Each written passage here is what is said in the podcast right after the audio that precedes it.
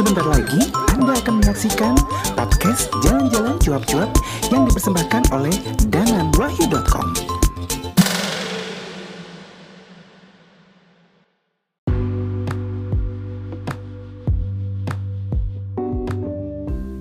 Assalamualaikum warahmatullahi wabarakatuh. Ketemu lagi dengan saya Danan di apa ya?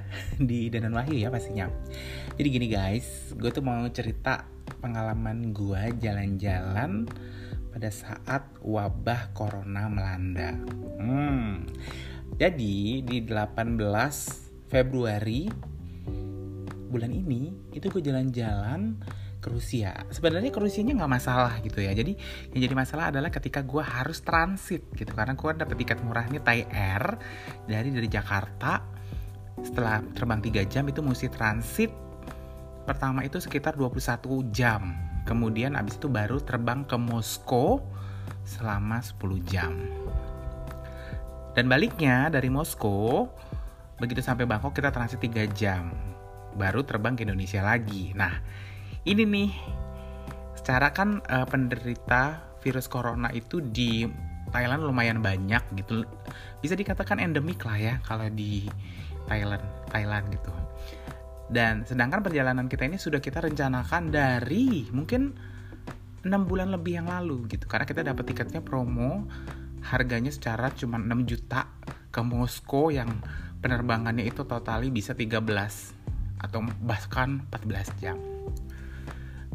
Dan yang bikin kita mikir-mikir untuk tidak berangkat juga kita juga udah pesan semua akomodasinya transportasinya di sana karena untuk pengajuan visa Rusia ini memang semuanya harus lengkap. Jadi itinerary sudah ada kemudian ketika kita sudah memesan hotel atau apa pun kita baru nanti mendapatkan invitation letter lah dari si pihak letter, uh, di pihak hotel gitu agar kita bisa apply visanya gitu. Dan ini uh, negara pertama gue yang apply visanya agak ribet. Biasanya gue melisi free visa atau on arrival atau e visa gitu. Dan ini mesti aplikasi. Jadi jadi lumayan PR gitu. Dan kita juga jujur aja lumayan deg-degan gitu. Karena juga experience yang kita mau dapet karena kan intinya tuh kita nggak cuma ke Moskow tapi kita ke Murmansk juga. Kita mau lihat aurora gitu kan. Makanya penuh dilema lah sebenarnya. Ya udah akhirnya di tanggal 18 berhubung gue dari Batam gue pagi-pagi berangkat lah ya terbang ke Jakarta.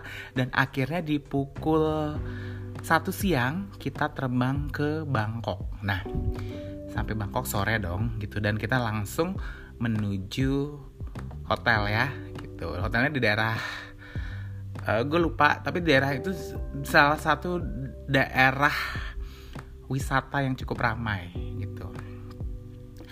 Nah gue nginep lah di sana gitu. Rencananya sih gue nggak mau banyak keluar dan menghindari keramaian lah gitu. Karena secara katanya kan di Thailand banyak nih yang menderita uh, virus corona gitu ya terjangkit virus corona ya udah.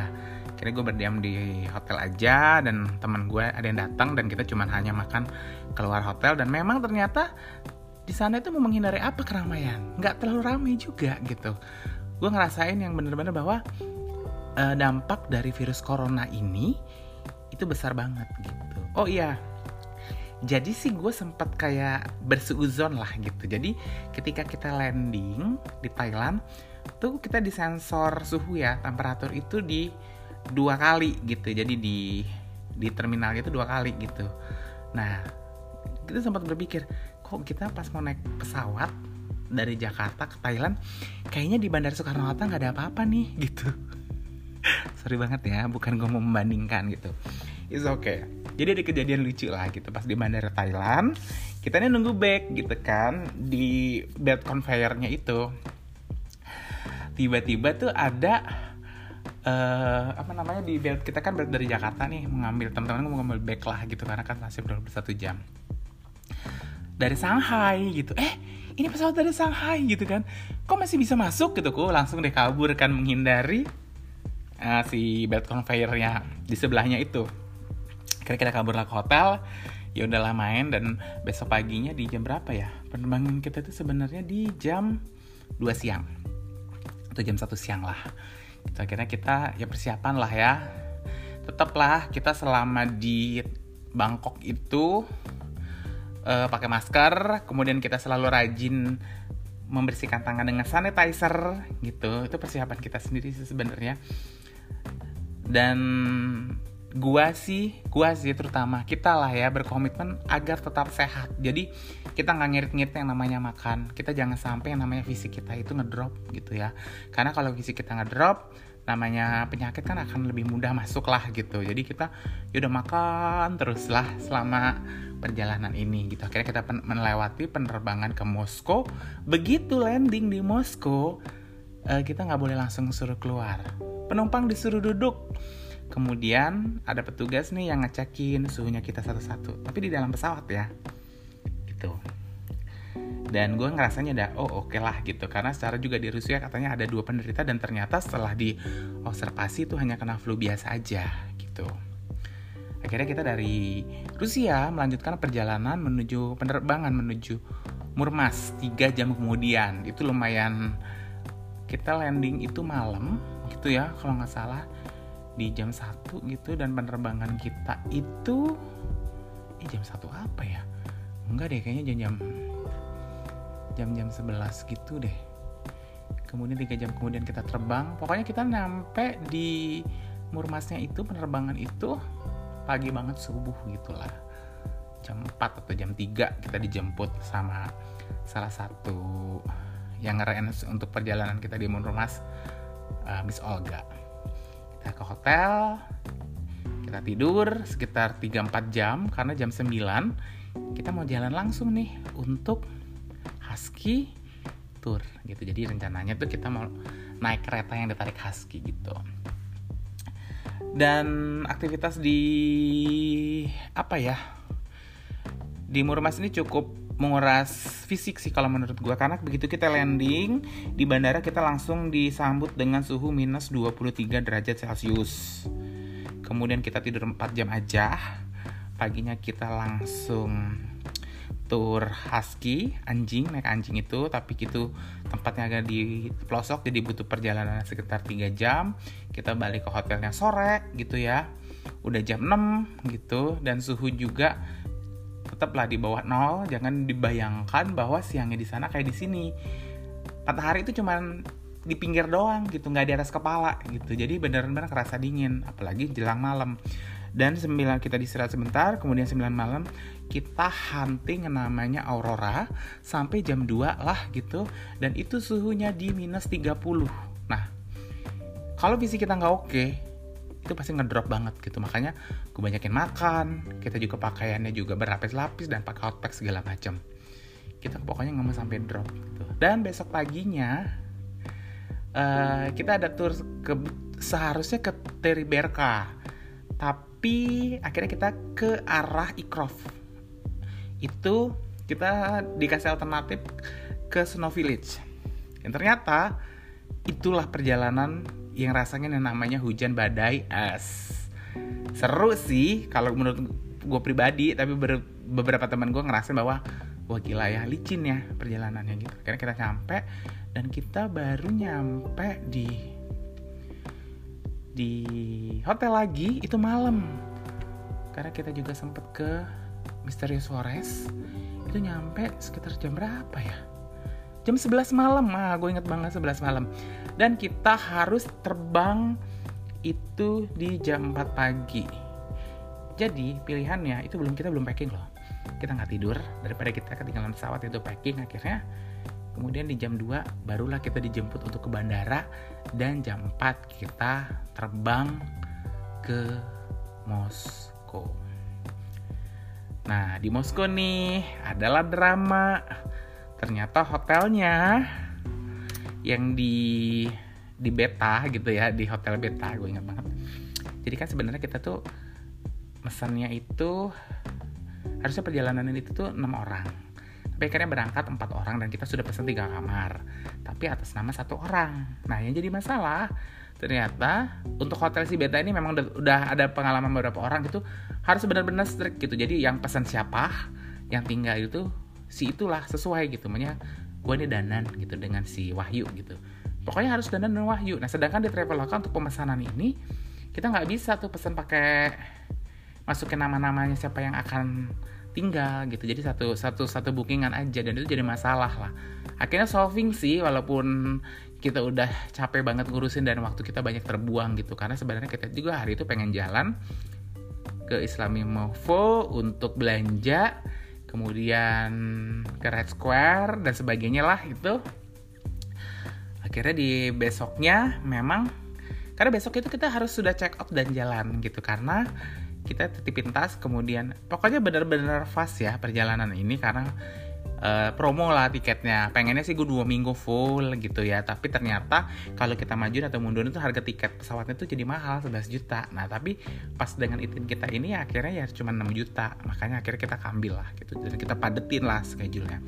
Akhirnya kita seperti tipin tas kemudian malamnya kita bergerak lagi ke San Petersburg. Oh iya, hari kedua di Moskow, gue agak surprising. Karena hari pertama tuh kita happy banget karena matahari bersinar cerah dan enak sih jalan gitu walaupun jelang malam itu tetap anginnya kencang gitu. Tapi hari kedua itu hujan salju. Kita sempet uh, karena kita kan cari cari beberapa foto-foto yang memang pengen banget gitu ya. Ya udahlah akhirnya hujan-hujanan salju juga dan akhirnya kita mutusin buat hunting aja beberapa uh, apa ya metro-metro yang indah gitu jadi di sana kan banyak stasiun metro nih yang emang secara arsitektur interiornya itu bagus. Nah kita hunting lah di situ sampai menjelang sore terus kemudian kita juga sempat makan dan shopping dan sebagainya baru malamnya di jam berapa tuh? Di jam 10 lah ya kita naik kereta untuk ke San Petersburg. Ya udah sampai pagi langsung tidur sejenak kemudian kita jalan-jalan lagi gitu sampai tersebut is oke okay lah gitu ya. Walaupun dingin nggak ada salju. Kemudian akhirnya kita di situ berapa hari ya? Bersihnya sih mungkin sekitar dua hari lah ya gitu. Ya dua hari. Hari pertama kita nyampe kemudian jalan. Hari kedua besoknya itu cuma setengah hari karena kita ngejar penerbangan dari St. Petersburg ke Moskow. Itu pesawatnya di jam 2 yang artinya jam 12 kita harus bergegas. Pokoknya uruberan lah gitu. Baru nanti sampai Moskow itu jam sore sekitar jam 5 jam 6 dan jam 10 baru kita melewati penerbangan dari Moskow ke Thailand. Nah udah mulai nih berasa nih begitu sampai ke Thailand kita udah ngelihat beberapa penerbangan dari Cina itu udah nggak boleh masuk gitu dan kalau ada yang masuk pun orang harus harus harus menyertakan surat keterangan sehat. Nah, gue sendiri nih. Jadi kan ceritanya gue berangkat tuh 18 pagi dari Batam. Nah, baru gue berangkat. Jadi kantor gue itu kayak ada SOP untuk uh, kewaspadaan kesehatan. Jadi sebelum harusnya sebelum berangkat gue itu melakukan pemeriksaan kesehatan nih. Memang harusnya begitu gitu. Nanti yang ini akan menjadi kayak bukti kita gitu loh kalau kita itu masuk satu negara baik-baik saja dan itu yang dibutuhkan oleh petugas imigrasi untuk uh, apa penumpang penerbangan dari Cina, dari Taiwan, dari Korea yang masuk ke Thailand itu. Ya udah. Untung sih kita dari Rusia jadi kita juga eh, nggak terlalu diminta surat itu tapi tetap kita di scan pakai sensor suhu. Transit sekitar berapa lama ya? Tiga jam lah ya. Tiga jam aja kemudian kita terbanglah ke Jakarta. Nah sampai Jakarta nih ternyata di pesawat itu kita udah dibagi kartu kewaspadaan kesehatan atau health alert alert card. Nah jadi kita itu disuruh ngisi dua sisi nih kartunya warnanya kuning. Nah jadi kita ditanya pokoknya suruh ngisi ada nggak uh, gejala-gejala yang aneh-aneh gitu. Nggak ada ya wis lah gitu. Akhirnya separuh kartunya kita serahin ke petugas. Tapi sebelum kita bisa keluar dari imigrasi kita itu di apa namanya diukurlah suhu tubuh. Mungkin kalau mencurigakan kita nggak akan boleh lewat gitu ya. Nah, jadi salah satu jadi kartu kewaspadaan kesehatan ini wajib dibawa. Jadi kata petugasnya, kalau Anda merasakan gejala demam, batuk, sesak napas, badan lemah gitu ya, alergi dan sebagainya, ini langsung aja dibawa ke rumah sakit. Kemudian kita berobat lah gitu dan nanti bilang kalau kita itu dari Thailand gitu dan kita akan diobservasi selama 14 hari. Itu yang versi pemerintah. Beda dengan kantor gua. Jadi, kalau di kantor gua, gua wajib untuk melakukan pemeriksaan sepulang ini ke dokter uh, paru dan pernapasan karena kan memang kita di cover asuransi gitu. Jadi kayaknya gue besok akan ke dokter untuk meyakinkan bahwa gue tidak ada tanda-tanda uh, kesehatan yang berhubungan dengan pernapasan. Karena memang corona ini kan uh, gejala awalnya tuh lebih kayak batuk dan sebagainya sesak nafas gitu. Begitulah ceritanya. Dan gue gua ini uh, harus diobservasi itu selama 14 hari gitu. Kalau nggak terjadi apa-apa ya sudahlah is oke okay lah gitu ya. Itu ceritanya guys. Dan di sini juga ada beberapa kontak. Kalau gue ada sesuatu gue bisa menghubungi nih kayak di Jen P2P P2P Kementerian Kesehatan RI ada nomor teleponnya gitu. Gitu sih. Jadi uh, untuk teman-teman nih yang mau melakukan perjalanan di saat wabah corona ya yang perlu diperhatikan adalah yaitu tadi membawa masker. Itu kenakan masker di, di semua area lah. Kalau gue sih lebih ke daerah-daerah yang mungkin banyak orangnya.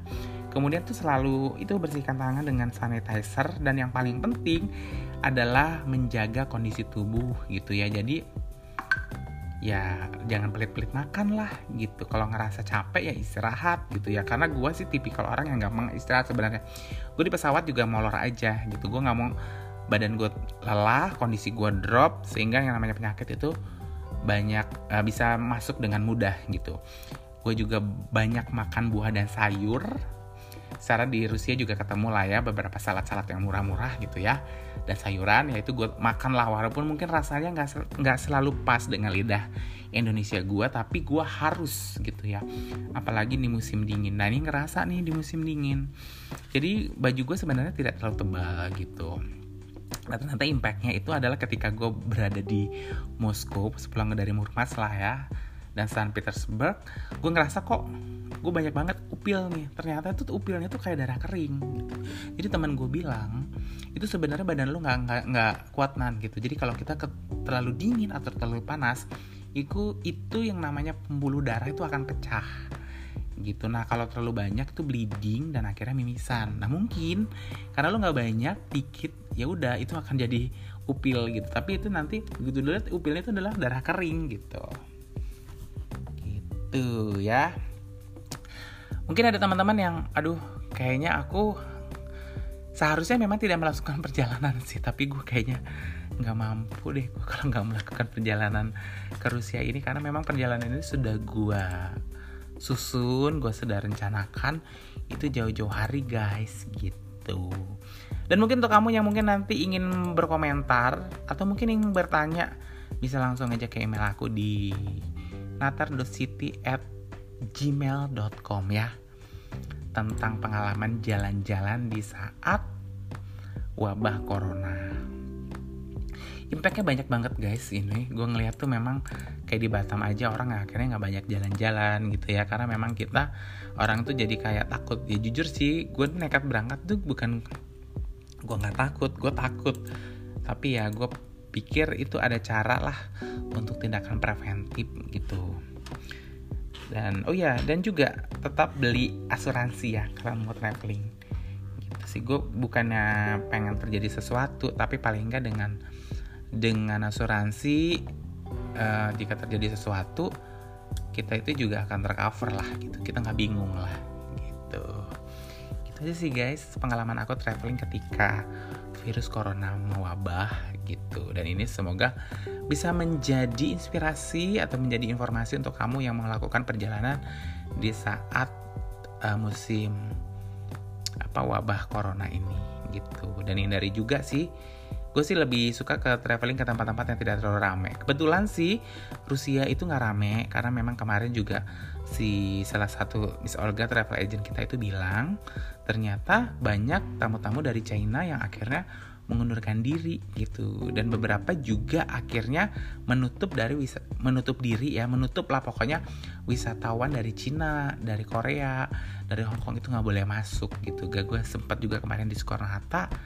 uh, ngelihat teman-teman kita nih yang gagal umroh gara-gara pemerintah Saudi Arabia itu tidak mengizinkan gitu ya untuk jamaah umrah dari Indonesia untuk berkunjung gitu. Ya sudah mau gimana lagi? Memang salah satu cara agar uh, virus ini tidak mewabah gitu ya tidak menjadi endemik dan berkembang ke mana-mana adalah dengan mengisolasi dan kitanya juga lebih waspada gitu jadi ini ada satu cerita sih dari teman gue jadi kantornya dia itu adalah sebenarnya kantornya itu kerjanya itu di suatu ruangan yang jumlah ruangannya itu bisa uh, mungkin ratusan orang gitu ya nah ini kan rentan kalau satu orang terinfeksi, ini yang lain gampang terinfeksi. Akhirnya desain kantornya itu dirubah, dibikin sekat-sekat, dibikin mungkin 100 per 100. Dengan harapan apa? Jika ada orang yang terinfeksi virus ini, maka yang terinfeksi cuma satu ruangan aja 100 orang, nggak seribuan tadi gitu. Kayak gitu guys, itu sih sebenarnya. Dan gue sih berharap bahwa uh, musibah ini cepat berlalu gitu ya, karena ini juga berpengaruh ke kayak ke sektor pariwisata lah gue ngelihat ya Thailand jadi sepi banget gitu. Ada juga tuh temannya teman gue yang dia itu sebenarnya ngajar diving di Hatia eh di Phuket ngajak diving di Phuket. Udah berapa bulan akhirnya nggak dapet tamu. Ya udah akhirnya memutuskan lah untuk pulang ke negaranya gitu. Dan kalau di Batam sendiri itu kerasa banget sepi hampir nyaris tidak ada orang Singapura jalan-jalan ke sini kecuali mereka yang melakukan aktivitas pekerjaan ataupun bisnis lah gitu. Oh iya kemarin juga sempat sih ditutup. Maksudnya eh, nggak uh, boleh melakukan aktivitas. Jadi ada beberapa teman yang memang kan kalau dari Batam ada yang kerja di di Singapura gitu ya. Ya udah jadi ketika diliburkan mereka nggak boleh ke Singapura dulu gitu. Gitu guys pengalaman aku jalan-jalan saat virus corona mewabah. Kamu punya cerita lainnya? Atau kamu ingin bertanya langsung aja ke email aku tadi ya. di natar.city at gmail.com atau langsung aja ke website aku di www.dananwahyu.com dan akhir kata dan mengucapkan wassalamualaikum warahmatullahi wabarakatuh.